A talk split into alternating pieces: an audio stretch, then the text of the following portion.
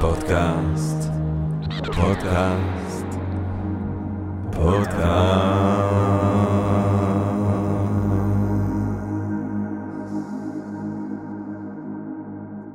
טוב, גבירותיי ורבותיי, ברוכות וברוכים הבאים לפודקאסט הספרים הגדולים של Think and Different והמרכז האקדמי שלם.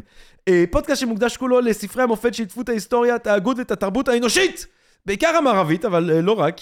אני ג'רמי פוגל, ואנחנו רוצים להתחיל עם רגע של הודיה לעצם היש, לעצם המציאות הזאת שמאפשרת לנו, למרות הכל ובהינתן כל אלי, להיפגש כאן למעט הר... הרחבת הדעת, העמקת הידע, העמקת הידע, uh, סיפוק, גירוי, ואולי גם סיפוק של הסקחנות, ואולי רעיון נשגב מעורר השחרה ככה, כולנו ביחד ובעברית. Uh, טוב, זו יוזמה חדשה שלנו כאן ב-Think and We Different, שיתוף פעולה עם המרכז האקדמי שלנו בירושלים, שהוא מוסד אקדמי ייחודי. לסטודנטים מצטיינים, הפועל במודל ה-Liberal Arts, בהשראה האוניברסיטאות העילית, ומעניק השכלה רחבה ומעמיקה בנושאים רבים כמו פילוסופיה, היסטוריה, ספרות, מדעים, יהדות, אסלאם, כלכלה ומחשבה חברתית. בשלם נותנים משקל רב לקריאה של ספרות מופת ולקריאה של ספרים שלמים. מתחילים בהתחלה, מסיימים בסוף, אה, שימו לב. וכמובן תודה לסקרינס, שבו אנחנו מצלמים את הפרקים שלנו כרגיל. יש בינג' אחר, סקרינס. טוב, גבירותיי ורבותיי, אנחנו אה, נפגשים כאן היום אה, בפרק הראשון של הספרים הגדולים כדי לדבר על באמת אה, חתיכת ספר, אה, האודיסאה של הומרוס, התנ"ך אה, של יוון, ואני חושב שהפעם אה, האחרונה שסיימתי, שקראתי את האודיסאה, אה, וכמו שעושים במרכז האקדמי שלם, אני חושב שקראתי אותו מההתחלה ועד הסוף, אה, כל הכבוד ג'רמי, אה, אמרתי לעצמי, איפשהו לא בטוח שהיה צורך לכתוב עוד ספרים. זאת אומרת, איפשהו הדבר הזה כל כך טוב, זה, זה כל כך מעניין, זה כל כך עמוק, זה כל כך מרגש, זה כל כך מרהיב, זה כל כך אה, עוצמתי, לא בטוח שהיה צריך עוד. פתאום הייתה לי מחשבה כזאת. יש בזה הכל, זה קצת כמו, אתה יודע, אני לא רוצה להישמע כמו המקחיים, in a world where, וזה romance, וזה, אבל באמת יש שם הכל, יש שם, יש שם הומור, ויש שם עומק, ויש שם מחשבה, ויש שם רגש, ויש שם הרפתקה, ויש שם דמ... מה אין בספר הזה? ואמרתי לעצמי, אני... בסדר, כתבו עוד ספרים, אבל, אבל, אבל במקום לחשוב על העוד ספרים שבאו אחר כך באיזושהי צורה כ, כתוספת, כאחווה, אתה אומר, זה חיקויים חיוורים של הדבר הזה. כי מרוב שזה טוב, קשה לדמיין משהו שאי פעם, או חוויית קריאה אי פעם, ש, ש, שתתעלה על, על החוויית קריאה של, של האודיסאה של, של הומרוס. ובוא נדבר, בוא נדבר על הספר הזה. בוא נזמן עוד אנשים לחוויה המדהימה הזאת, שהיא לקרוא את האודיסאה של הומרוס. וכדי לזמן עוד אנשים לחוויה הזאת, אנחנו שמחים, מתגאים ונרגשים לארח כאן את דוקטור עידו חברוני, גבירותיי ורבותיי. דוקטור עידו חברוני, שהוא חוקר ספרות חז"ל ומחצה במרכז האקדמי שלם. דוקטור חברוני עשה תואר ראשון בפסיכולוגיה וספרות בבר אילן, ואז מסלול ישר לדוקטורט בספרות של עם ישראל, ששם הוא חקר סיפורי פיתוי בתלמוד. ב-2016 יצא ספרו בידיעות אחרונות, חיות הקודש, יצורי הפרא. בבית מדרשם של חז"ל. דוקטור חברוני במרכז האקדמי שלם מלמד תלמוד, ספרות קלאסית, מחשבה פסיכואנליטית וגם ספרות פנטזיה. במילים אחרות, מהאיליאדה והאודיסאה דרך ספריהם של פרויד ויונג, ועד אגדת, או אגדות של האחים גרים, ושר הטבעות, דוקטור עידו חברוני, שלום רב. שלום רב, והנה הזכרת את שר הטבעות, אז כן היה מוצדק לכתוב משהו אחרי. האודיסאה, לפחות את זה. שנוי במחלוקת. אוקיי. שנוי במחלוקת. נשמור את זה למפגש הבא. תראה, הייתי אומר, אתה יודע מה? דון קיחוט. אני אומר, דבר אחד שאני נותן רשות לכתוב חוץ מהאודיסאה, זה דון קיחוט. זה דון קיחוט. אני מודה לך בשם אגודת הסופרים הספרדיים של סרוונטס.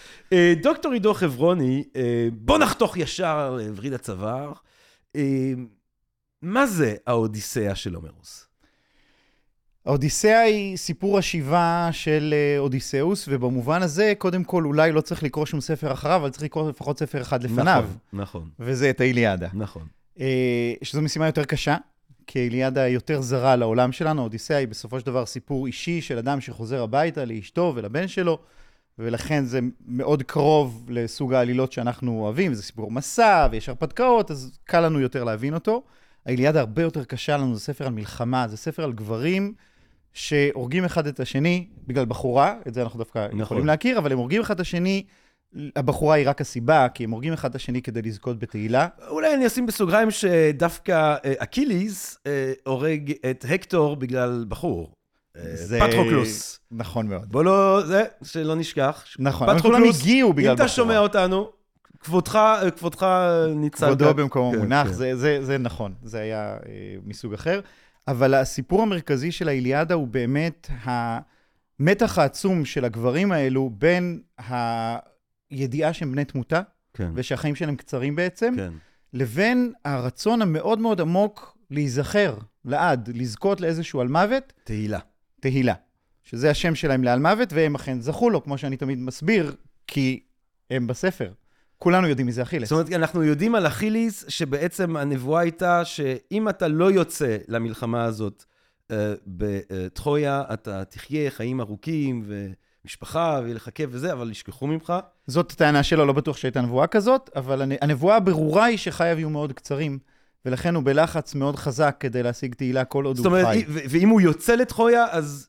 הוא ימות שם, אבל יזכרו אותו לעד. בדיוק. כן. וכך היה, ואודיסאוס הוא אחד הגיבורים של הספר הזה, המלחמה בטרויה נמשכת עשר שנים. אה, מה שאנשים שקוראים את האיליאדה לא יודעים שהיא בכלל לא מסתיימת בסיום של המלחמה, אה, היא מסתיימת ברגע אחר. הסיום של המלחמה קורה איפשהו בין האיליאדה לבין האודיסאה, הסיפור של הסוס הטרויאני מפורסם, אבל אכילס מת, ואכילס הוא זה שבעצם מוביל את הגיבורים האמיתיים שעומדים אחד מול השני ויוצאים למלחמה כמו גברים, והוא נהרג, ובסוף טרויה נכבשת בעזרתו של האיש שהוא הגיבור של הספר הזה, אודיסאוס, שהוא ערמומי. זאת אומרת, אז בעצם הסיפור הוא שהמלחמה בטרויה מתחילה לכאורה בגלל שהנסיך, הבן של המלך פחיאם, המלך הטרויאני פחיאם, הבן הצעיר פריס, גונב את הלנה מאחד מהמלאכים. מנלאוס. כן. ממנלאוס, אה, ואז אה, מחזיר אותה לטרויה, ואז היוונים מתאגדים, אה, אגממנון, אה, מנלאוס, כל הגיבורים הגדולים, אייקס, אה, אכילס, אודיסאוס, הם כולם מגיעים לטרויה, מנסים במשך עשור או תשע שנים, אני חושב שהאיליאדה מתחילה אחרי תשע מתחילה שנים, בשנה נכון? התשיעית, אבל בסוף זה יהיה עשור עד שהם יסיימו את הסיפור. בעצם האיליאדה מתחילה בשנה התשיעית, שתשע שנים שהם מנסים ככה אה, לעבור את החומה לעיר אה, טרויה ולא מצליחים. שם מתחילה האיליאדה, אנחנו- סיפור גם חזק, מלחמות, נלחמות וזה, ואכיליס הורג את הקטור וחוטף את הגופה, ואז, ופה ושם וזה וזה וזה, ואז אנחנו, כמו שאתה אומר, אז האיליאדה עצמה לא מסתיימת עם הסוף של המלחמה, הסוף של המלחמה קורה איפשהו בין שני הספרים, אבל האודיסאה זה הסיפור של הגיבור הזה, אודיסאוס, בניסיון שלו, אה, בסך הכל הוא רוצה לחזור הביתה. האודיסאה, בדיוק מה שהזכרת בהתחלה, את האופציות שיש לאכילס באמת או לא באמת, יש בעצם כאילו שתי אופציות בתוך העולם הזה. אופציה אחת היא אופציה של הקליאוס, ולמולה יש את האופציה של הנוסטוס, של השיבה הביתה. מהמילה הזאת יצרו הרבה יותר מאוחר אה, רופא שוויצרי שטיפל בחיילים שהיו רחוקים מהבית, את המילה נוסטלגיה, שזה אלגיה לנוסטוס. אנחנו מתגעגעים לשיבה, זה חיילים שהיו חולי בית, מה שאנחנו קוראים היום, שהיו מוצבים בארצות אחרות. הנוסטוס הוא השיבה הביתה, ובדרך כלל מאוד נדיר שמישהו יזכה לשתיהן, שמישהו יזכה גם לתהילה במלחמה ויישאר בחיים ויחזור הביתה. רוב גיבורי האיליאדה לא חוזרים בשלום הביתה, חלקם נספים בים. אגממנון, שהוא מנהיג הצבאות, הוא בעצם האח של מנלאוס, הוא הרמטכ"ל של החבר'ה, חוזר הביתה ונרצח על ידי אשתו, על ידי המאהב שלה, תלוי בגרסה. ויש רק איש אחד, ואנחנו פה מתחילים שוב בשנה התשיעית, לאחר הניצחון, יש רק איש אחד שעוד לא חזר הביתה. זה אודיסאוס, ואנחנו לא יודעים מה קרה לו. והספר הזה, במובנים מסוימים, הוא ממש תמונת הראי של האיליאדה, כי אם זה עוסק בקליאוס ובמוכנות למות, זה עוסק בגעגועים וברצון אה, לחזור הביתה. זה כל כך שונה, הנושא של שני הספרים, עד שיש טענה אחת הכי יפה, שבעצם לא את שניהם חיבר הומרוס, אלא את זה חיברה בתו של הומרוס. אה, כי הספר הזה באמת מסתכל על העולם פתאום מנקודת מבט אחרת לגמרי. שם זה היה עולם של גברים, כשהנשים והילדים הם רק הרקע. אה, נשים הם פרס במלחמה אה, בין כן. גברים, הם חלק מהשלל, ולכן אפשר להעביר אותם. והאודיסאה היא כבר במקום אחר, והסיפור נפתח בשנה התשיעית, ובמקום לפתוח באודיסאוס, אה, אנחנו מבלים, בכל אחד מהספרים האלה יש 24 אה, ספרים. אגב, זה קשור לחלוקה של התנ"ך אחרי זה ל-24 ספרים, זה מין מספר כזה שיש לו משמעות. והוא פותח בארבעה ספרים ראשונים, הוא מתאר את המצב באיתקה, שהיא בעצם האי שממנו אודיסאוס הגיע, הוא המלך של מין אי קטן כזה ואחראי על עוד כמה איים, ואנחנו לומדים להבין מה המצב שם. ושם מחכה לו פנלופה. כן, כשהשאלה הגדולה היא, האם מחכה לו, ואיך מחכה לו. נכון. מכיוון שלאורך הספר נפתח בעצם בהנחה גדולה שמוציא זהוס, האל הראשי, שאומר שאנשים עושים שטויות ואז מאשימים אותו. וזה נמאס לו. והסיפור הראשון שאנחנו שומעים הוא בעצם את הסיפור של אגממנון. זאת אומרת, הגיבור הגדול חוזר הביתה, אשתו בינתיים התפתתה למחזר, וכשהוא חזר הביתה הם רוצחים אותו, הבן שלו לא היה שם בסביבה, אורסטס, וכשהוא יחזור מאוחר מדי, הוא לפחות ינקום את נקמת אביו, ובעצם מראש זהוס מספר לנו שלא כל שיבה היא שיבה מוצלחת. Hmm. ויותר מזה, אפילו הוא רומז לנו שאם אנחנו רוצים להבין משמעות של שיבה, כדאי שנשים לב גם לבן וגם לאימא. Hmm. וזה כבר חידוש מהרגע הראשון של האודיסאה, כי אנחנו תמיד חושבים על הגיבור, הבודד, היחיד, בדרך כלל גבר, שחוזר הביתה והכל זה המסע שלו. האודיסאה מההתחלה אומרת, זה המסע שלו, זה נכון, אבל אם אשתו לא תשלים את המסע, והבן שלו לא ישלים את המסע, לא תהיה פה שיבה. Hmm. אז הסיפור הוא בעצם סיפור של שלושה מסעות. Hmm. המסע של אודיסאוס, אבל גם המסע של פנלופה, וגם המסע של טלמחוס, אה, הבן. Hmm. אה, ו- ובעצם פנלופה, אה, היא דווקא כן מאוד אה, מתעקשת לחכות לו, למרות שאתה כתלמודיסט גם יגיד שהיא כבר, מבחינה הלכתית, היא הייתה יכולה להכריז עליו כאל אה, מת במלחמה אחרי כל השנים האלה, לא? יש מצב שהיא הייתה יכולה להכריז עליו, היא במשך כמה שנים מחזיקה מעמד, זאת אומרת, בואו נזכיר, יש 121 מחזרים שמנסים להתחתן איתה, גם כי היא עדיין יפהפייה, למרות שהיא יחסית מבוגרת במושגים של אז, היא באזור ה-40, בואו נגיד. אה, כי היא התחתנה איפשהו 20, אולי קצת פחות, אבל 20 שנה בעצם מאז שבעלה עזב אותה והשאיר אותה עם ילד קטן. אה, היא אלמנה מאוד, אלמנה או אה, פרודה, בואו נגיד, אבל היא מאוד מבוקשת, גם כי מי שהתחתן איתה בעצם יקבל את המלוכה אה, על האי, והיא במשך כמה שנים הצליחה להדוף אותם. אה, היא המציאה תכסיס, היא אמרה להם שהיא הורגת תכריכים ללארטס, שזה האבא של אה, בעלה, ובמשך שלוש שנים היא הרגה ביום ופרמה בלילה, שזה בעצם גם סימבולית, המצב שלה הוא מצב של לתפור ולפרום, להרוג ולפרום, כן, זה להרוג דימוי ולפרום. נורא יפה, כי היא אומרת, עד שאני לא מסיימת להרוג, אני לא יכולה להתחתן אני לא יכולה איתכם. להתחתן, אבל היא כל הזמן פורמת. היא גם פורמת בלילה, כן. כי, כי היא, היא לא יודעת מה לעשות בסיטואציה. שוב, היא, היא אישה, הם גברים, הם 120 ומשהו אנשים חזקים מאוד כמובן, הם כולם נסיכים מכל האזור, והם אה, בשלב מסוים נשבר להם, והם מחליטים שהם חיים בארמון שלה על חשבונה, ועד שהיא פשוט אה, תסכים להחליט מה היא עושה. ולמה אודיסאוס אה, לא חוזר הביתה? מי כועס עליו? מי לא נותן לו לחזור הביתה? זאת שאלת השאלות. בהתחלת הספר אנחנו מתוודעים לעובדה שחלק מהחבר'ה לא חזרו הביתה בגלל שאתנה כעסה עליהם. עכשיו, יש הרבה מאוד דרכים להבין את היחס בין אלים לבני אדם בתוך הספר הזה. התפיסה שאני מאוד אוהב היא תפיסה שמושפעת מאוד באמת מהספרים של יונג, והיא חושבת על האלים כהמשגה של עוצמות שנמצאות בעולם. אפשר לחשוב על זה כעוצמות שנמצאות בחוץ, אפשר לחשוב על זה כעוצמות שנמצאות בנפש, זה כבר הכרעה מבחינתי אישית, אבל בעצם הם חטאו לאתנה. Uh, התיאור עצמו הוא כמובן האונס של קסנדרה, שהיא אחת מהבנות של uh, פריאמוס, היא נביאה, והיא נאנסת במקדשה של אתנה. אבל לחטוא לאתנה בעצם, אתנה היא מייצגת של התבונה, של האסטרטגיה, של החשיבה. לחטוא לאתנה זה אומר לנהוג מחוץ לעמידה ולגדר, לנהוג בחוסר זהירות, להתפרע, לתת לעוצמות פראיות להשתלט עליך. אה, וזה החטא של כולם. עכשיו, זה ודאי לא החטא של אודיסאוס, כי אודיסאוס הוא הכי אתנאי שיש. אתנה היא האלה הצמודה שלו, היא מלווה אותו ברמות שאף אל לא מלווה אדם, וזה אומר שהוא איש של תבונה, ואיש של עורמה, ואיש של טכנולוגיה. ולאט לאט במהלך הספר אנחנו נחשפים לעובדה שזאת גם הבעיה שלו. Hmm. כי מה שיפה בעולם הפוליתאיסטי, הוא שאין עיקרון על אחד מאחד.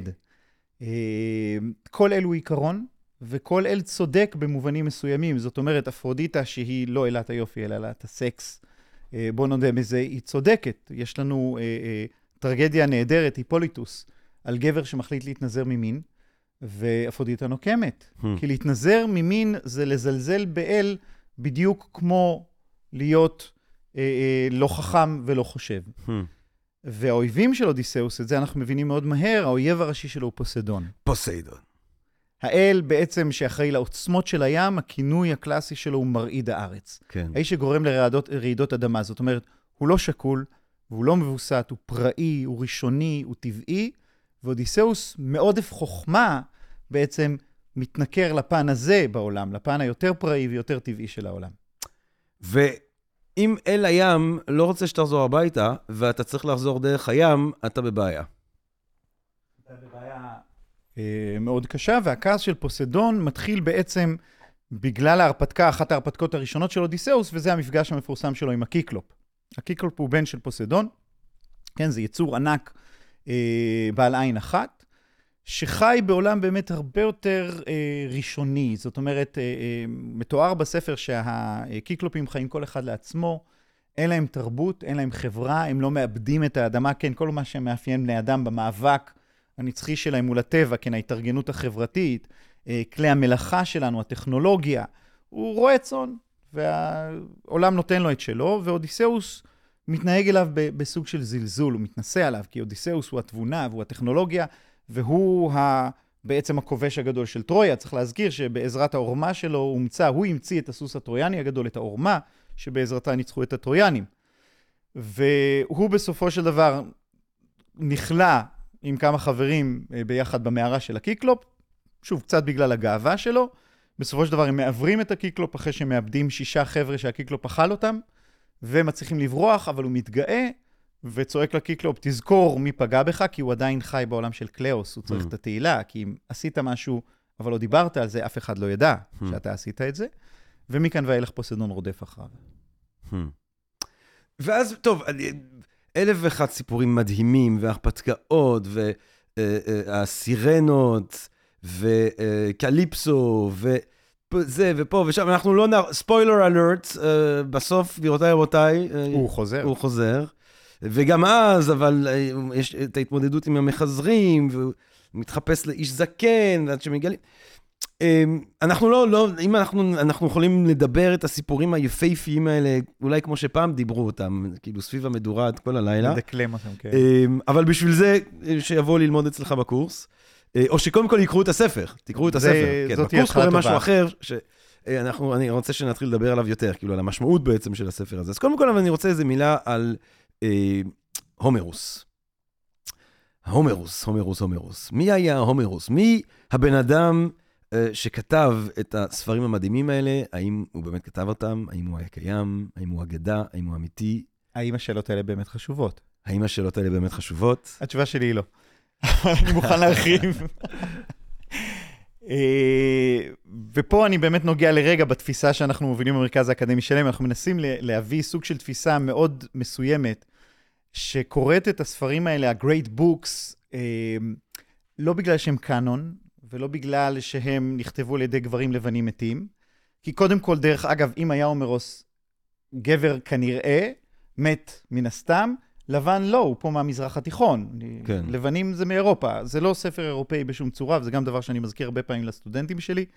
זה ספר לא... כי זה, זה ספר שבא מתרבות שאירופה נכסה בדיעבד כמכונן אותה. בדיוק, אבל החופים שהאנשים האלה הסתובבו, מנלאוס נסחף לחוף מצרים, והאנשים האלה מסתובבים בים התיכון. כן. אה, מה ששוב, הרומאים קראו לו מרן נוסטרה, כן, הים שלנו. שלנו. אה, הגיגית הקטנה הזאת פה, כן. שכל הסיפורים האלה קורים מסביב לפיילה של המזרח התיכון. מזג האוויר ביוון הוא הרבה יותר דומה לנו מאשר לאירופה. נכון. טוב, אה, אירופה כוללת את ספרד. כן, אירופה כוללת, נכון, אבל אני אומר, הדמיון שלנו על אירופה. כן. זה אנשים מזרח תיכוניים, גם כן. האופי שלהם כזה, יש, אני לרגע סוטה, יש רגע נפלא. אה, יש כמה רגעים שבהם, או בשעת קרב צורכים צרכה גדולה, או בשעת שמחה גדולה צורכים צרכה, והצרכה הזאת, אני לא יודע לחקות אותה, אבל עם מה שאתם יכולים לשמוע היום בסוג של חתונות, קוראים לזה אולולוגה. Hmm. ואתה מיד יכול לשמוע שזה אונומטופאי, וזה הצליל, זה בעצם היללת אה, חתונות, או יללת אה, עצב שאנחנו מכירים. באירופה לא עושים דברים כאלה. Hmm. אה, אתה רואה שזו תרבות הרבה יותר חיה ותוססת והרבה יותר אה, ים תרבות, תיכונית. תרבות, כן, אחר כך, כמו שניטשה כמובן אה, מיטיב לתאר, צריך להגיד, תרבות אופטימית מאוד, המון הומור, המון צחוק, המון רצון לחיות, רצון לתהילה.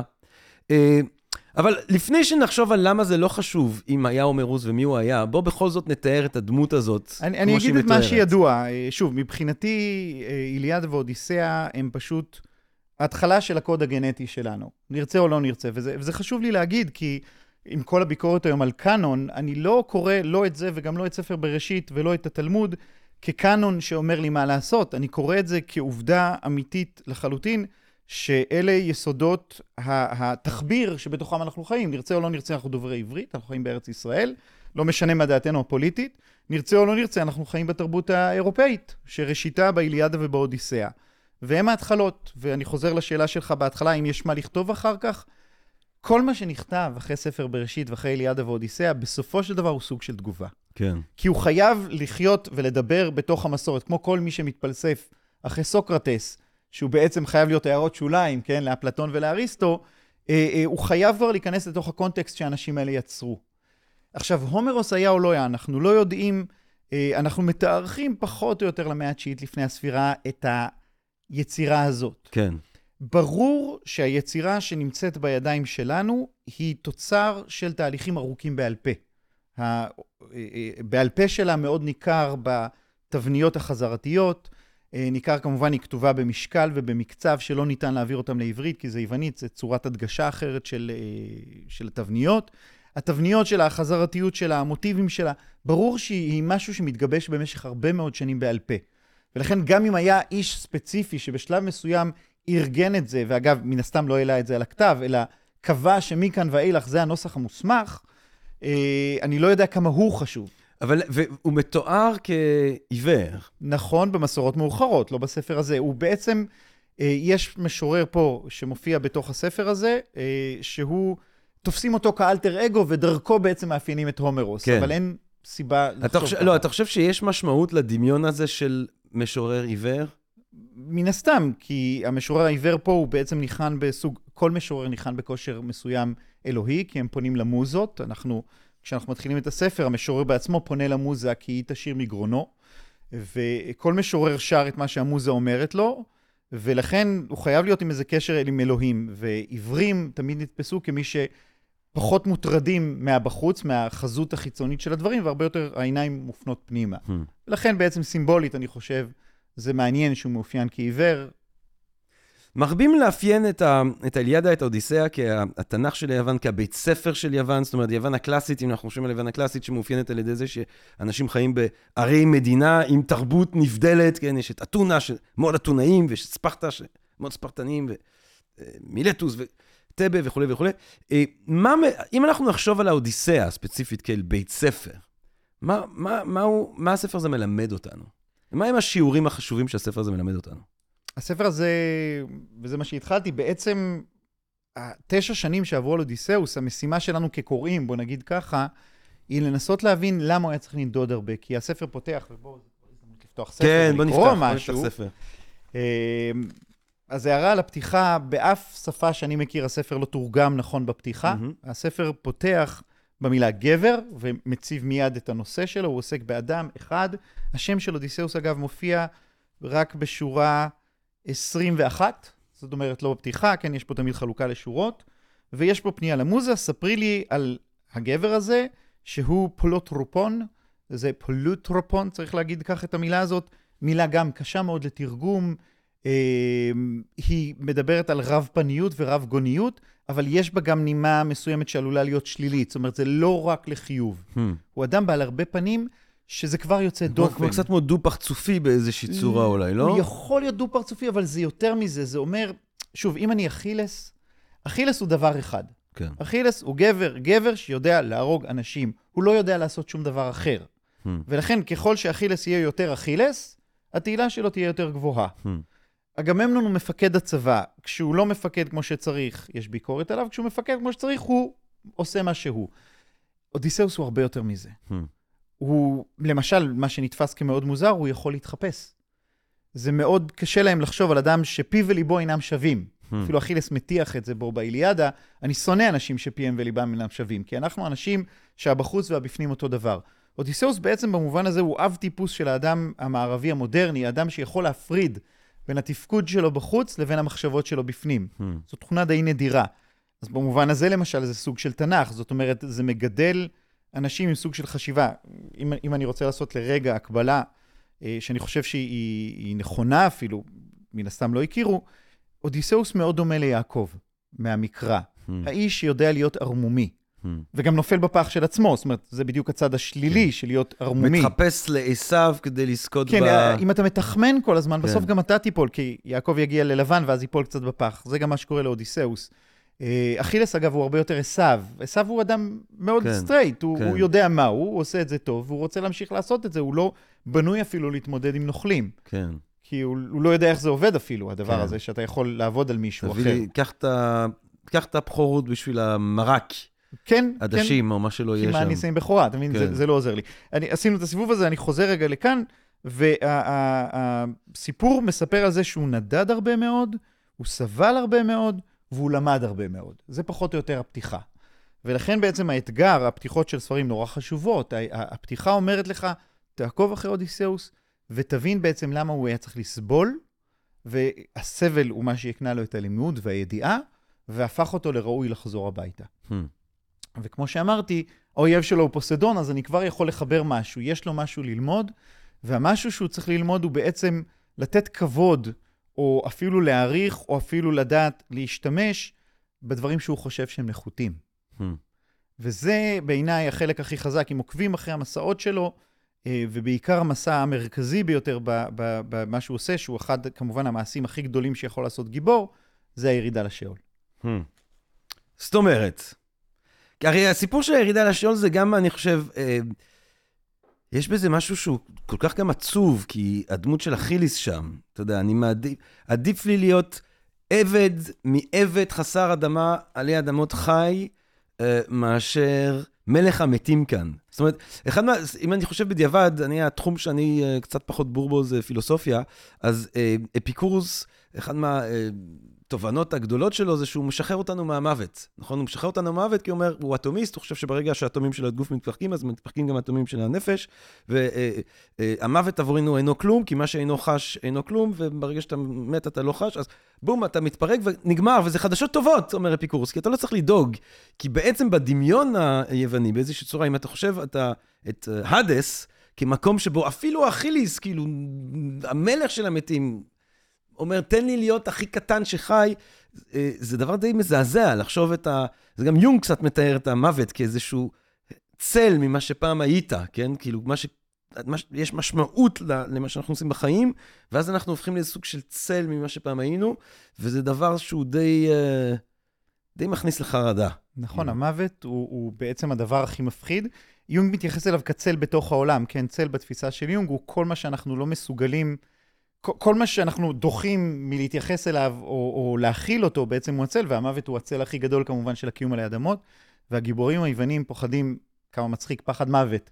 אה, מהמוות, כי, כן. כי אתה באמת כלום. המוות, אתה בעצם מין צל קלוש של מה שהיית עלי אדמות, בלי יכולת תפקוד, ובעיקר בלי יכולת של לשנות את המצב שלך. כן. ולכן הם כל כך לחוצים על לעשות מעשי גבורה רבי רושם בעודם בחיים, לא מאוד שונה מהרבה אנשים שאנחנו יכולים לראות מסביבנו היום, שיש להם צורך אדיר להנציח את עצמם, כן? להפוך את עצמם לנצח בעודם בחיים, כי הם לא חושבים שיש משמעות למה שקורה אה, אחר כך. אפיקורוס, עם כל הכבוד, לא הצליח לשכנע אותנו כל כך כנראה. אה, אה, את חלקנו כן. אה, אני שמח, כן. אה, אני שמח לשמוע שיש בינינו כמה אפיקוראים אמיתיים. אבל השאול הוא הדבר הכי מפחיד בעולם. כן, ולכן להיכנס לשאול זה, זה אומץ אדיר. אבל נכון. מה שנורא מעניין לגבי אודיסאוס, הרי אה, כמה אנשים נכנסו לפניו, מפורסמים, אה, לשאול, אחד זה הרקלס, שאנחנו קוראים לו בלטינית הרקולס, ולכן אנחנו יותר מכירים אותו ככה, כשבמסגרת המשימות שלו הוא צריך לקחת את אה, קרברוס, כן, הכלב של השאול עם שלושת הראשים, אבל הוא בא לגנוב משהו מהשאול, זאת אומרת, הוא בא לנצח את המוות באיזושהי מידה, הוא באמת יהפוך לבן על מוות. אדם אחר שחושב שהוא ינצח את השאול הוא כמובן אורפאוס, Hmm. שבא להציל את אורדיקה, אבל הוא לא מצליח לגנוב מהשאול.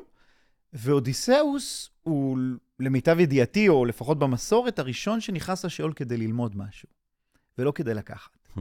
הוא לא בא לנצח את השאול, הוא בא ללמוד. וזה מאוד יפה, רואים את זה, זאת אומרת, נזכיר, יש, אנחנו חוזרים אליו בספר החמישי, מגלים שהוא תקוע על אי אצל קליפסו, נימפה, שמחזיקה אותו בכוח, האלים החליטו שצריך לשחרר אותו, הוא יפליג, הוא יגיע לאי של הפייאקים, הם עם מוזר ולא ידוע, יש להם יכולת להשית אנשים בספינות לכל מקום תוך יום, אה, עם תוכנית ניווט אוטומטית, הם המציאו את הסיפור הזה, אתה אומר להם לאיפה אתה צריך להגיע ואתה מגיע, ושם הם משכנעים אותו לספר את הסיפור שלו, ואנחנו בעצם שומעים את כל סיפור קורות אודיסאוס בדיעבד מהפה שלו. Hmm. זאת אומרת, אודיסאוס המבוגר והחכם והמחונך מספר לנו רטרואקטיבית. והוא מספר את הקורות איתו, ואז הוא מגיע לצורך שלו לרדת לשאול, והמשימה הרשמית של הירידה לשאול היא בעצם לפגוש את uh, טירסיאס, הנביא הזקן שכבר מת, ולשאול אותו מה בדיוק... גם הוא עיוור, הנביא העיוור. נכון. ולשאול אותו איך אני צריך לחזור הביתה. אודיסאוס יורד, שואל את טירסיאס איך לחזור הביתה, אבל אודיסאוס הוא נורא סקרן, הוא לא יכול להסתפק רק בזה. קודם כל, טירסיאס אומר לו משהו מאוד יפה, הוא אומר לו, כשתשוב הביתה, הוא מסביר לו מה צריך לעשות, הוא אומר לו, אבל אחרי שתחזור הביתה, השיבה שלך לא נגמרה, וזה כבר נורא יפה, כי על לחזור הביתה ולצעוק, honey, I'm home, זה לא המשימה, אתה תחזור הביתה, ואחר כך אתה תצטרך לצאת לעוד מסע, אבל הפעם אל לב היבשת. Hmm. אחרי שהפלגת בים, לך אל לב היבשת, קח איתך משות ולך. עד שתגיע למקום שמישהו ישאל אותך למה אתה לוקח איתך מזרה. מזרה הוא כלי שבעזרתו זורים את גרעיני החיטה. זאת אומרת, עד שתגיע למקום שבו לא יודעים מה זה ים, וגם אין שם מלח. Hmm. כשתגיע למקום שלא יודע מה זה ים, תנעץ את המשות שלך באדמה, תזבח זבח לפוסדון ותחזור הביתה ואתה תחיה עד 120, אני לא יודע אם זה 120, אבל אתה תמות בשיבה טובה בבית. Hmm. האירוע הוא סימבולי, הוא יפהפה, כי המשות הוא בעצם ההפרה הכי גדולה של חוקי העולם. כשהעולם נברא, לא משנה באיזה דת אתה, האלים הפרידו בין היבשות בעזרת הים, והים לא אמור להיות אוויר.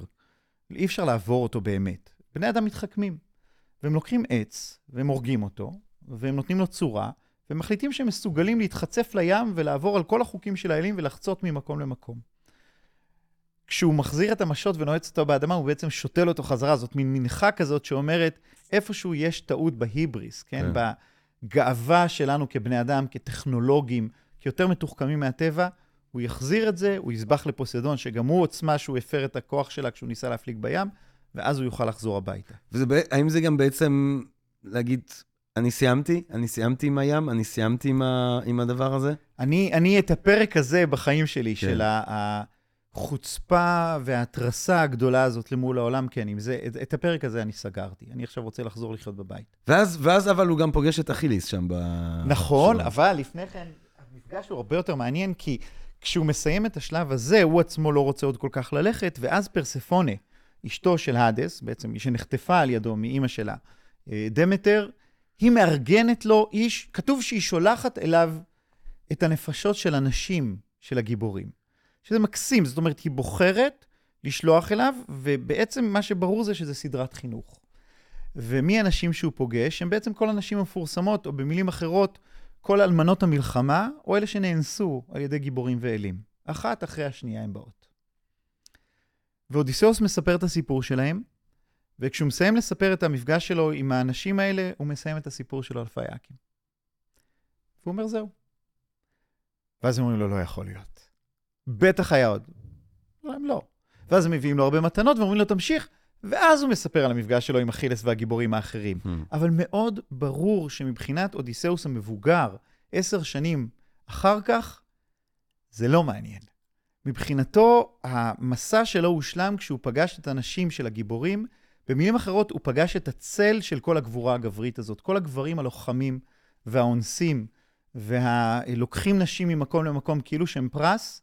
כשהוא פוגש את הצל שלהם, כשהוא פוגש את הנשים ששילמו את כל המחיר, Hmm. מבחינת אודיסאוס פה הוא השלים את המסע. מעניין. אמ, עוד דבר שאנחנו לומדים, אה, אם אנחנו נחשוב על הספר הזה כספר לימוד לתרבות שלמה, אה, זה סיפורים על האלים. זאת אומרת, על ההתנהלות של האלים, על היחס שלהם אחד לשני, על היחס שלהם לנו.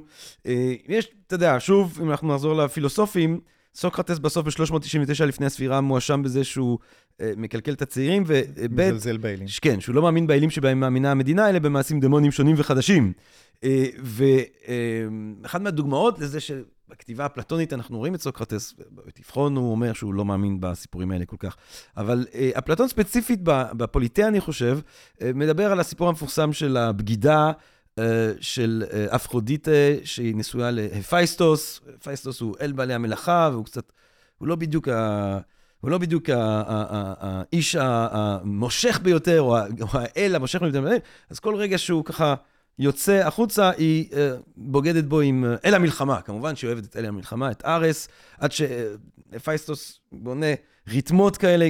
הוא אומר שהוא יוצא, הוא לא באמת יוצא, הוא תופס אותם בעירום אחד על השני, ובאים כל האלים, והם צוחקים, ו- ודיאלוג כזה בין הרמס. ו- ואפלטון שואל, או סוקרטס בעצם, של אפלטון שואל, למה, למה אנחנו מלמדים את ה... למה אנחנו מלמדים את הסיפורים האלה לצעירים? למה ש... למה ש... אם אנחנו רוצים צעירים שמתנהגים ככה לפי המידה הטובה, למה הם לומדים שהאלים ככה בוגדים אחד בשני וצוחקים על זה אחר כך וכולי?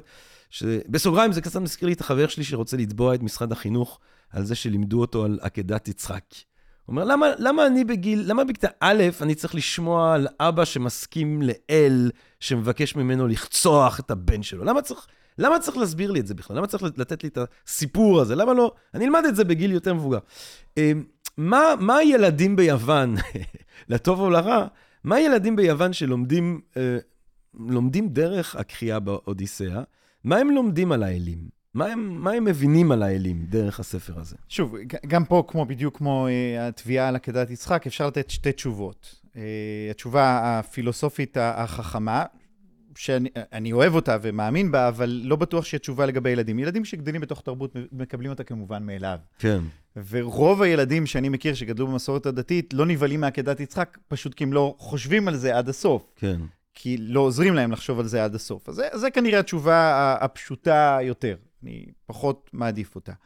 אה, אני מזכיר לגבי אה, אפלטון, כמובן צריך להזכיר שהמדינה האידיאלית שלו בפוליטאה מסלקים את המשוררים. מסלקים אותם. בגלל הומרוס. למרות שהוא אומר בסוף, אני מוכן שידברו איתי על זה. זאת אומרת, יש שם איזה, הוא אומר, נכון. אפשר לשכנע אותי אחרת. אבל לא רק זה, הוא בעצמו צריך לבדות מיתוס, זאת אומרת, הוא בעצמו צריך לעשות איזה נכון. שיר שקרי, נכון. כדי להצליח לחנך את האנשים שלו. במילים אחרות, לעומת המשוררים שמאמינים לפחות במה שהם מספרים, הוא הופך להיות שקרן מהסוג הכי גרוע, כי הוא לא מאמין במה שהוא מספר. טוב, כן? הוא גם ממש אה, מצדק שם בשקר לבן, בשקר אצילי. והוא, הוא, כן. מת- הוא, הוא לא נעים לו עם זה, זה, כן. זה די נשמע מהשקרים ההכרחיים האלה, כן, נכון? הוא אומר, כן. ואלדוס הקסלי כמובן שיחק על, ה, על הסיפור הזה של המעמדות שלו, נכון? באלפא בטא גמא שלו בעולם חדש מופלא. כן. אה, זה, כן, זה בדיוק כן. לקחת את זה למשטר טוטליטרי, וכל הדברים האלה ידועים. אז זה, זה דעתי, זאת אומרת, בוא נגיד את זה בצורה הכי פשוטה, והרבה אנשים יכעסו עליי, אבל אני תמיד אומר את זה, הפילוסופים הרסו את העולם מבחינתי. כן, טוב, זה סליחה, ניטשה, אני ניטשה אומר את זה. במפורש על כן, בדיוק, סוקרטס. כן, אבל גם את ניטשה לא כל כך אהבו, והוא גם לא סיים את החיים שלו טוב. אבל מבחינתי, התפיסה הפילוסופית אה, שמחדדת את הדברים ושמה אותם בעצם על התבונה, והמידה הטובה היא קשורה כמובן אה, אה, לתבונה, בעצם, שוב, היא הכרחית ויש לה כמובן היבטים חיוביים, כן, אני צוחק, אבל ההשכחה של המיתוס אה, גרמה לנו לפספס חלק מהדברים. וכשאתה מדבר על עקדת יצחק, אגב, שאלה אמיתית, שאתה מחנך ילדים, עד כמה אתה חושף אותם לעובדה שבעולם הזה יש רוע? כן. העולם הזה הוא רע, הוא גם רע, כן, יש כן. בו גם דברים טובים, אבל אם אתה מגדל ילדים בלי לספר להם אף פעם שהעולם הוא רע, אני חושב שאתה מכין אותם גרוע העניין- מאוד העניין- לעולם. מה שמעניין אבל, זה שאפשר להקנות את הרוע לאל באיזשהו אופן, אה, זה אולי מה שרדיקלי כאן, כן? זאת אומרת, אבל אם, אם נחזור לאודיסאה, אם אני, אה, באמת התלונה של אפלטון זה שילדים גודלים מתוך הבנה שהאלים אה, בוגדים אחד בשני, חושקים, לא שולטים על התאוות שלהם. אה, מה, מה, דבר איתנו קצת על, על, על תפיסת האלים, היחס שלהם לבני אדם כפי שהוא אה, משתקף באודיסאה. בשמחה, ושוב אני אומר, אני בא מזווית מסוימת, וזו זווית יונגיאנית, זאת אומרת, אפשר להסביר את זה בכל מיני צורות. כן, הזווית שלי היא מאוד אה, אה, מסוימת, אה, כי אני אוהב אותה והיא טובה לי, אבל אפשר כמובן אה, לחשוב על הדברים האלה אחרת. קודם כל, בגלל שאנחנו גדלנו בעולם מונותאיסטי, בין אם אנחנו מאמינים או לא, אנחנו תופסים את האל כחזות הכל, כנבדל מהעולם, אה, כבורא העולם. האלים היווניים אינם בורא העולם, ואינם נבדלים מהעולם. הם חלק מהעולם. הם כפופים לחוקים של העולם. Hmm. זאת אומרת, הם כפופים לזמן ולמקום. למשל, בפתיחת האיליאדה, אה, אימא של אכילס רוצה לדבר עם זהוס, אבל הוא לא בבית. יש לו אוטו-ריפליי באימייל, כי הוא הלך לאתיופים שהקריבו לו קורבנות. הם נורא אוהבים לאכול אצל האתיופים האלים. Mm. גם פוסדון בפתיחת האודיסאה הולך לשם, יש שם אחלה אוכל. אמ, אז הם קודם כל הם חלק מהעולם והם כפופים לחוקים שלו. היתרון הייחודי שלהם הוא שהם בני על מוות. הם לא מתים לעולם. כן. וברגע שאתה לא מת... אני ה- תמיד מתאר אותם כמשפחת קרדשיאן על מאונט אולימפוס. כאילו, הם... זה סוג של... הם מאוד אנושיים, הם... אה, מאוד אנושיים. אבל ו- הם באמת לא מתים. נכון, הם לא ביטחון. מתים, זה היתרון שלהם, וזה גם החיסרון. שלהם. זה, נדמה לי, תקן אותי אם, אתה, אם אני טועה, כי אתה יותר מבין את זה, נכון? אריסטו אומר שיש שני דברים ששונים מאדם, זה או אל או חיה. נכון. אוקיי, או. בדיוק- או, ת- כאילו, אם אתה לא חלק מהסדר הפוליטי, אתה או נמוך ממנו, כמו... או מעליו. או מעליו. אבל זה בדיוק הסיפור, כי הם, במובן הזה הם כמו חיות. זאת אומרת, הם עוצמות הרבה יותר ראשוניות, והם חסרים את המורכבות שיש לבני אדם. או במובן אחר, הם חסרים את הממד הטרגי. שום דבר לא טרגי אצל האלים. יש רגע באיליאדה שהוא הרגע הכי מיתולוגי, ממש לקראת הסיום, כל האלים מתייצבים למלחמה, אחד מול השני, כן, יש אלים שמצדדים בטרויה ואלים שמצדדים ביוונים, באחיים, וזהוס אה, מתרווח לו בכיסא שלו וצוחק. עכשיו, למה הוא צוחק? זה אלים נלחמים, זה נורא מפחיד. כי אין לזה שום משמעות. זאת אומרת, כן. אתנה מנצחת שם את אפרודיטה, או אם נפשט את זה רגע, התבונה, או יותר מזה, אתנה היא אישה, זה ברור לחלוטין, היא תמיד אישה, אבל ההיבטים של ה- חיי המין שלה הם non issue. זה לא שהיא אנטי סקס או בעד סקס, non issue. זה לא עסק שלכם מה אתנה עושה בימים האחרים שלה, או בלילות שלה, אני לא יודע מה. זה non issue. לעומת אפרודיטה שהכל זה סקס. היא מנצחת אותה. אז מה? אז אפרודיטה עכשיו קצת תבכה, ובעוד אלף, אלפיים, שלושת אלפים, חמשת אלפים שנה, אפרודיטה תנצח ואתנה תפסיד. כן. ולכן, כן, מה אתם נרגשים מהעניינים האלה של הבני אדם האלה שבאים והולכים? בדיוק, וזה כן. חלק גם כן מהשיחות שם. ולכן לבני אדם יש סוג של אה, אה, קסם שאין לה אלים. כי אצלנו זה טרגי, ההחלטות שלנו באמת חשובות. כן, מה שאנחנו זה עושים שברירי. הוא אי-רוורסבילי, כן, והוא שברירי. כן. וזאת העוצמה שלנו. עכשיו, אם אני חוזר אל האלים, במובנים שאני חושב עליהם, האלים הם עוצמות אמיתיות שקיימות בעולם. ולכן, שוב, הם לא מונותאיסטים, הם לא קשורים לצדק, והם לא קשורים למידות טובות. הם קשורים לעוצמות אמיתיות, ואם אדם חווה את המיניות שלו, ואני חושב שכל אדם נורמלי חווה את המיניות שלו, כמשהו שבאופן עקרוני הוא לא, אני לא יזמתי אותו, כן? אם אדם רואה משהו שמגרה אותו מינית, ברור שהוא לא יזם את זה. השאלה מה הוא יעשה או לא יעשה, זה קשור אליו במידה מסוימת. אבל עצם זה שמשהו פיתה אותו מינית, זה אפרודיטה. זאת אומרת, עוצמה זה- מסוימת, נתפס, אתה נתפס ל- לאיזשהו כוח חיצוני כמעט, כן. או פנימי גדול ממך, כן, כמו שפרויד כן, יגיד, אבל כן. גם פרויד יגיד לך שזה גדול ממך, והוא יקרא לזה בשמות היווניים, נכון? הוא כן. זקוק לארוס כן. וטנטוס כשהוא בא להסביר לנו את הצורה שבה הכוחות האלה גדולים מאיתנו במובנים מסוימים. כן.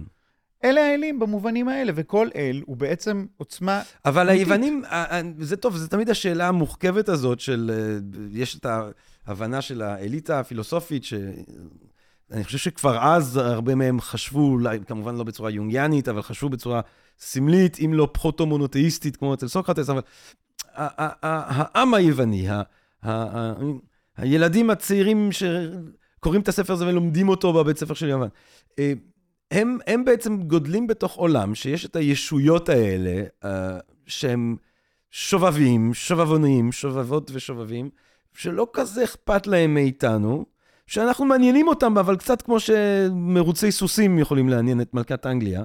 Um, וזו תחושה קצת משונה, לחיות בעולם ש... ש-you're at the whims of the gods, uh, וכשה-gods הם באמת מאוד whimsical, כאילו שאתה... מה שהאל יבוא לו לעשות זה מה שיפול עליך, זה קצת כמו ילדים שמשחקים עם נמלים. פוסיידון יחליט שאני לא חוזר הביתה, אני לא חוזר נכון, הביתה, פתאום... ולחיות, ולחיות בעולם שלנו שבו צונאמי יכול פתאום לבוא, זה יותר בטוח? או יותר מרגיע? אני, אני לא יודע, נכון, זאת אומרת, העולם נכון שלנו. עם, ו, או סרטן, הדבר הזה אבל מאוד, או- מאוד מוחשי באודיסאה, זה מה שאני אומר. נכון, הם, הם בסך הקפריזיות של הקיום מאוד מאוד מוחשי שם. שוב, אני לא בטוח שהקפר... הקפ... הקפריזיות של האלים. נכון, אבל השאלה היא מה אתה עושה למול הקפריזיות הזאת, ודווקא הקפריזיות שלהם והקלולסיות של האלים נותנות המון משמעות לחיים שלך. כי עכשיו יש, כי אתה כן יכול לקחת אחריות על החיים שלך, דווקא בתוך המרחב של האי-ודאות הזה, בתוכו אתה יכול לקחת אחריות על החיים שלך ולעשות מעשים גדולים, שייזכרו לנצח. כן, אבל, אבל אם האל מחליט שאתה לא תצליח, אתה לא תצליח. אפשר להילחם נגד אלים, כן, אפשר להיאבק בזה. כן. ושוב, זו ההירואיות. ויש ההירואיות. יש בזה גם משהו מנחם. זאת אומרת, ברגע שהכישלון הוא כאילו, וזה, התרבות הקפיטליסטית מאוד דוחפת לרעיון הזה של הלוזר. זאת אומרת, אתה, אם אתה עני ולא מצליח, זה בגללך, זה עליך. וזה שאני יכול להגיד, טוב, זה, ה- זה האל, זאת אומרת, יש אה, פורטונה, כן, יש איזשהו סוג של אל שלא עמד לצידי. אה, א', אני חושב שזה משקף יותר את, ה, את המציאות. את המציאות, וב', וב', יש בזה אולי משהו באמת שהוא, שהוא מנחם. בהחלט. עכשיו, אם, אם אתה חוזר למה ילדים לומדים, קודם כל ילדים באמת לומדים אה, שיש כוחות גדולים ממידת אדם בעולם. אנחנו היום במצב הרבה יותר של היבריס מאשר הם. Mm. אנחנו לא חושבים ש- אה, you can do it, אה, you can make it, אה, וכל Just זה. do it. Just do it. כן. אה, זה, לא בעזרת השם, just do it בעזרת אה, אפרודיטה. ב- בעזרת השם זה כבר יותר טוב, אבל כן. זהו, כמו שאני אומר, זה לא בעזרת השם, בעזרת האלים. השמים, או השמות. כן. או, או זה כבר הרבה יותר, זה, זה הרבה יותר מתוחכם, כי כן. כן. גם אם עכשיו רצית לעשות משהו והאל לא סייע בידך, זה דווקא יכול, אתה יכול לעצור רגע ולחשוב שיכול להיות שעכשיו הלכתי יותר מדי עם העוצמה הזאת ושכחתי עוצמה אחרת. אה, זה דווקא נותן תמונה הרבה יותר מורכבת של העולם. אם, אם אני חוזר ממש לסיפור שסיפרת, של אה, אה, החוכמה של אפייסטוס, שלוחד שאפייסטוס הוא באמת כמעט אדם, כן, בגלל שהוא נכה, בעצם הוא צריך לפצות, ולכן הוא האל היחיד שהוא טכנולוג, הוא נפח. כן. הוא האל היחיד שעושה, צריך לייצר משהו כדי לחפות על הנכות, על המוגבלות, ולכן כן. הוא, הוא קצת יותר דומה לאדם, והוא צחוק בעיני האלים כמובן, ולכן זה צחוק לתת לו את אפרודיטה, ולכן היא תבגוד בו עם ארס, ולכן הוא יכלה אותה, והאלים שם יבואו, הצעירים, יספרו שם בדיחות פורנו מחוצ'קנות כאלה, נכון. של אה, לא היה אכפת לי להיות פה כלוא. ושכולם יסתכלו אני עליי, חושב אבל שזה רק אם הרמס הייתי... שאומר לאפולו, כן. תגיד, אה, כדי להיות בעירום אה, כלוא ככה עם אפרודיטה, היית מוכן? ואז הוא אומר, לגמרי. שניים יותר. אה, לא אכפת לי. כן. אגב, האלות לא באות לאירוע, כי זה נכון, מביך מתוך אותן. צניעות. אה, אבל פוסדון לא צוחק. לא, אבל זה כי הוא, זה כי הוא, יש לו איזה קראש, זה מרגיש שהוא לא, זה לא, כי זה הוא מר- יותר במפלגה של אפרודיטה וארס. הוא פחות אינטליגנט. אני חושב שהוא גם קצת לא. צוחק, כי, אני, כי יש לו, כי אפרודיטה כזה, כי הוא, כי הוא קצת אוהב אותה. אני לא מכיר עדות לזה. לא, נגיד ככה הסיטואציה הזאת נראית לי. לא, לא, כי הוא, כזה הוא, אומר, הוא "אוי, זה כועס אפרודיטה". כי זה, הוא לא אוהב את זה שמבזים את התשוקה של אפרודיטה וארס. Hmm, התשוקה של אפרודיטה וארס היא דבר יפה. כן. והוא... הוא יצרי יותר. כן, ולכן. הוא, הוא פודה אותם, הוא מבטיח שהוא יפצה את כן. אה, הפייסטוס, והפייסטוס מקבל את הפיצוי. זה חינוך. זה מה שהילדים האלה ביוון מקבלים, יפה. זה סוג של חינוך. על uh, conflict resolution. כן, ושוב על כבוד לעוצמות אמיתיות. תראה, שוב, כשאנחנו היום אה, בשוק שאדם גדול אה, פוגע באנשים מינית. כן. עכשיו, אני לא בא להציג את זה בשום צורה, אבל אני אומר, לא צריך להיות בשוק. כן. אם אתה חי בעולם שבו אפרודיטה היא עוצמה אמיתית, אתה אף פעם לא בשוק, אתה מצפה. אתה לא תמים. אתה לא ניגש לסיטואציה שבה יכולה לקרות הטרדה מינית באיזושהי אמונה בטוב שבאדם, או בהיות העולם צודק ומוסרי ובעדך. העולם כן. לא צודק, לא מוסרי ולא בעדך. תתמודד. כן. העולם לא צודק, לא מוסרי ולא בידך. זה דווקא נראה לי מכין אותך איכשהו, זה יפה, יפה. אה, אני רוצה אה, לסיים. דוקטור עידו חברוני, ולשאול אותך, הרי, אה, אני לא יודע אם לשמחתך או לצערך, אתה לא מלמד את האודיסאה לילדים אה, יוונים באתונה הקלאסית. אה, אתה מלמד אה, לסטודנטים ישראלים צעירים במרכז שלם אה, בירושלים. אה, למה, אה, למה, מה, מה סטודנטים ישראלים אה, צריכים ללמוד מהאודיסאה? את כל מה שאמרנו. העולם לא בעדך, לא צודק, לא מוסרי. לפחות קחו בחשבון, אה, קחו את זה בחשבון כאופציה. כן, אני, אני, אין לי שום מטרה להוריד אנשים מאידיאליזם, אבל כן. יש לי מטרה ל- ל- ל- להבהיר להם ולתת להם תשומת לב לעולם המורכב, ואם אני חוזר ליונג, יונג אומר שהמהלך האמיתי של ההתבגרות וההתפתחות, כמובן הוא קורה רק אחרי אמצע החיים. זאת אומרת, המהלך, המחצית הראשונה של החיים זה המסעות של הרקלס, כן? זה מסעות כאלה של לבסס את האגו בעולם, ואגב, חיובי לחלוטין מבחינת יונג, אדם צריך לבסס את עצמו בעולם, הוא צריך להיות יציב, הוא צריך כלכלה, הוא צריך פרנסה, צריך יציבות משפחתית, חברית, לא משנה, קהילתית. אדם צריך להתבסס בעולם, העולם הזה צריך לחיות בתוכו ולקבל את הכללים שלו. ובמחצית השנייה דווקא הוא אומר, אחרי שהשמש מגיעה למרכז, לזנית, כן, היא מתחילה לשקוע, אנחנו מתחילים להתכוונן אל המוות, זאת אומרת, אנחנו מתחילים לראות את ההבל הבלים שבקיום, אבל זה רק אחרי שהשלמנו את המחצית הראשונה, וזה המסע של אודיסאוס, זה המסע של המחצית השנייה אה, של החיים. וואלה. והוא ללמוד, לקחת בחשבון את אז הצדדים והאליאדה זה, המורכבים. האליאדה זה המחצית הראשונה באיזושהי לא, צורה? איליאדה היא לא, היא לא המחצית הראשונה. אתה יודע מה, כן. כי דווקא אנשים באים, עושים נכון, שם, וזה נכון, זה, נכון, זה זה לא חשבתי זה ככה, זירות נכון, התהילה. זה, זה עדיין כן. לבנות את האגו שלך, ממש, והתהילה שלך כן, בעולם. לעשות שם. ושוב, זה, זה בריא בשלב מסוים בחיים. כן. זאת אומרת, ילד שמראש יסרס את עצמו ולא ירצה להיות משהו בחיים, אני חושב שהוא צריך לעבור איזשהו סוג של חינוך דווקא להיות קצת לבלוט ולמצוא כן. מקום בעולם.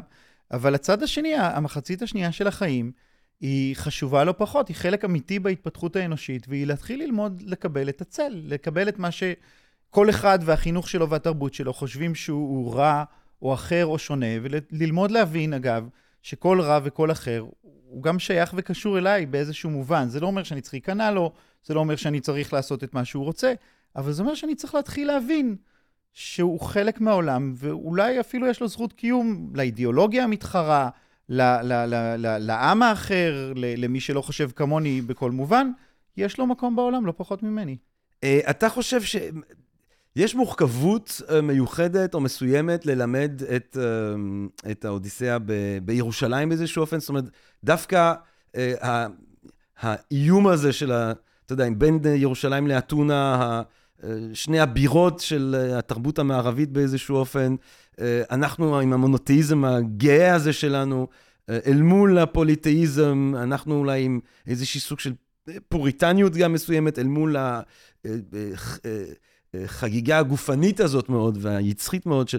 יש, יש... אה, זאת אומרת, אם אני חושב על ללמד אודיסאה ב, ב, בירושלים לישראלים במאה ה-21, אתה חושב שזה משהו שהוא... שהוא... יש לו מורכבויות מסוימות. בניסיון שלנו גם להבדיל את עצמנו, הפחד מההתייוונות וכולי. אני, אני חושב שאם לא שמים לב לזה, אז מפספסים משהו. זאת אומרת, כן. אני, אני רוצה שיהיה פה סוג של אה, קונפליקט. אני מלמד גם תלמוד בשלם. כן. ואני תמיד אומר, כשאני מלמד את האיליאדה ואודיסאה, אני מאמין באלים, וכשאני מלמד תלמוד, אני בצד השני, בצד שרדף אותם והשמיד עבודה זרה. אה, אני חושב שא', המורכבות הזאת, פשוט נולדנו לתוכה. עצם זה שאנחנו גם חיים פה בארץ, שוב, בין אם אנחנו מאמינים או לא מאמינים, נולדנו אל תוך מסורת מונותאיסטית מאוד חזקה, ונולדנו אל תוך מסורת מערבית מאוד חזקה באותה מידה, שראשיתה אה, ב- בספרים האלה. זאת אומרת, נולדנו אל תוך הקונפליקט. ולכן, קודם כל, בואו נכיר אותו. בואו נכיר את הצדדים העמוקים והמשמעותיים שיש בשני הצדדים. כן, אני לא הייתי רוצה לחיות בעולם, אה, לא הייתי רוצה לחיות בעולם של הומרוס. בואו נגיד את זה ככה. יש לי הרבה מה ללמוד ממנו, אה, ואני מאוד שמח שלמדתי להכיר אותו, ואני רואה ממש שליחות אפילו, אפשר, אם אפשר להגיד, ללמד עוד אנשים ולפתוח אותם לא- לאפשרויות שהוא נותן. אבל לא הייתי רוצה לחיות בעולם שאין בו את המונותאיזם, שאין בו את, ה, את התפיסה המוסרית ואת התפיסה של צלם אלוהים אה, שיש בכל אדם, לא הייתי מוכן לוותר על זה. אבל אני כן רוצה שנלמד להכיל את, ה, את, ה, את האופציות ואת המורכבות הזאת כל הזמן. הערה נוספת שהיא מצד אחר, יש יתרונות ללמוד את האיליאדה והאודיסאה אה, בירושלים. כשנכנסתי לתפקיד שלי ורציתי להבין את ה-liberal education, שלמדתי בבר אילן, אז כמובן לא היה לי איפה להכיר אותו, יצאתי לכמה ביקורים בארצות הברית בקולג'ים, וראיתי שיעורים שבהם הם קוראים את האיליאדה. אה, הם ילדים בני 17-18, שהמלחמה הכי גדולה שהם ראו הייתה בסרט קולנוע, אה, ויש רגע נפלא באיליאדה שבו אה, הקטור נפרד מאשתו אנדרומכה ומהתינוק שלו. ובשנה הראשונה שלימדתי בשלם, קראנו את זה, וזה היה אחרי, אני לא זוכר איזה מהמבצעים ב- בעזה, והתלמיד שבחר לקרוא ולא ידע מה עומד לקרוא, היה נשוי והיה לו תינוק והוא השתתף במבצע. Hmm. וכשהוא קרא תפקיד של חייל שנפרד מאשתו, זה היה טעון בכל כך הרבה משמעות, משמעויות, זאת אומרת, כל המורכבות דווקא צפה לגמרי, מה שכשאתה קורא את זה בארצות הברית, דווקא במי שכאילו הם היורשים של המסורת האירופאית יותר מאיתנו, נגיד, בכלל לא מתחיל. טוב, כמו שאמרת, הם על החופים אה, שאנחנו מכירים. הם מכאן, הם כן. שלנו לגמרי. כן. ואנחנו משלהם. מסכים. בטח שאתה. אני לגמרי. דוקטור עידו חברוני, וואו, מרתק. גבירותיי ורבותיי, אה, הספר, ספרים הגדולים, זה הפודקאסט שלנו, אז הספר הוא האודיסאה אה, של הומרוס. אה, תקראו את הספר הזה, פשוט תקראו, נכון? ממש, קודם, קודם ממש. כל, בסוף, בהתחלה, באמצע ובסוף, זה פשוט ספר מדהים. ספר מעולה ובתרגום מצוין של אהרון שבתאי, צריך לזכור את זה, עד לא מזמן לא היו תרגומים טובים, תרגום מעולה וקריא מאוד בעברית שלהם. חשוב, התרגום פה מאוד חשוב. מאוד, מאוד אה, מאוד חשוב. אהרון שבתאי, תודה לך, אהרון. אה, תודה לך, עומרוס, אם, אם הוא קיים. אני אוהב לחשוב שהוא היה קיים. אני אוהב לחשוב שהוא היה קיים. אני אוהב לחשוב את זה. אוקיי. לא, ת- תפרגן, תפרגן, תפרגן לי. אמרתי לך, לא אני אוהב את הרעיון של הבת שלו יותר דווקא. אתה יודע מה אני מאוד אוהב? אני לא לא הכרתי ואני מאוד אוהב את הרעיון של הבת שלו. אבל אולי אולי הם כתבו על זה ביחד. אה, וואלה, יש מצב. אה, דוקטור עידו חברוני, גבירותיי ורבותיי, אה, אודיסאוס של הומרוס, אה, אפשר לקרוא אותו, אפשר לבוא ללמוד עליו בשלם, ומה אני אגיד לכם, מקווה מאוד שנהנתם מהפרק הזה, מהפרקים הנוספים שבעזרת האלים והשם אנחנו אה, מקווים אה, להקליט ולצלם כאן, בפודקאסט של Think and Read Different ובפודקאסט הזה של הספרים הגדולים עם אה, מרכז שלם, וחוץ מזה, מה אני אגיד לכם? שהמוזות תהיה איתכם, שהאלים יבחרו אתכם בכל הברכות כולם, אה, שתמצאו את הדרך הביתה, את השיבה הביתה, אה, יהיה הבית אשר יהיה ותהיה השיבה אשר תהיה, ומה אני אגיד לכם חוץ מזה? רק אהבה רבה, רק בריאות, ונשתמע. תודה רבה, ולהתחרות. פודקאסט, פודקאסט, פודקאסט.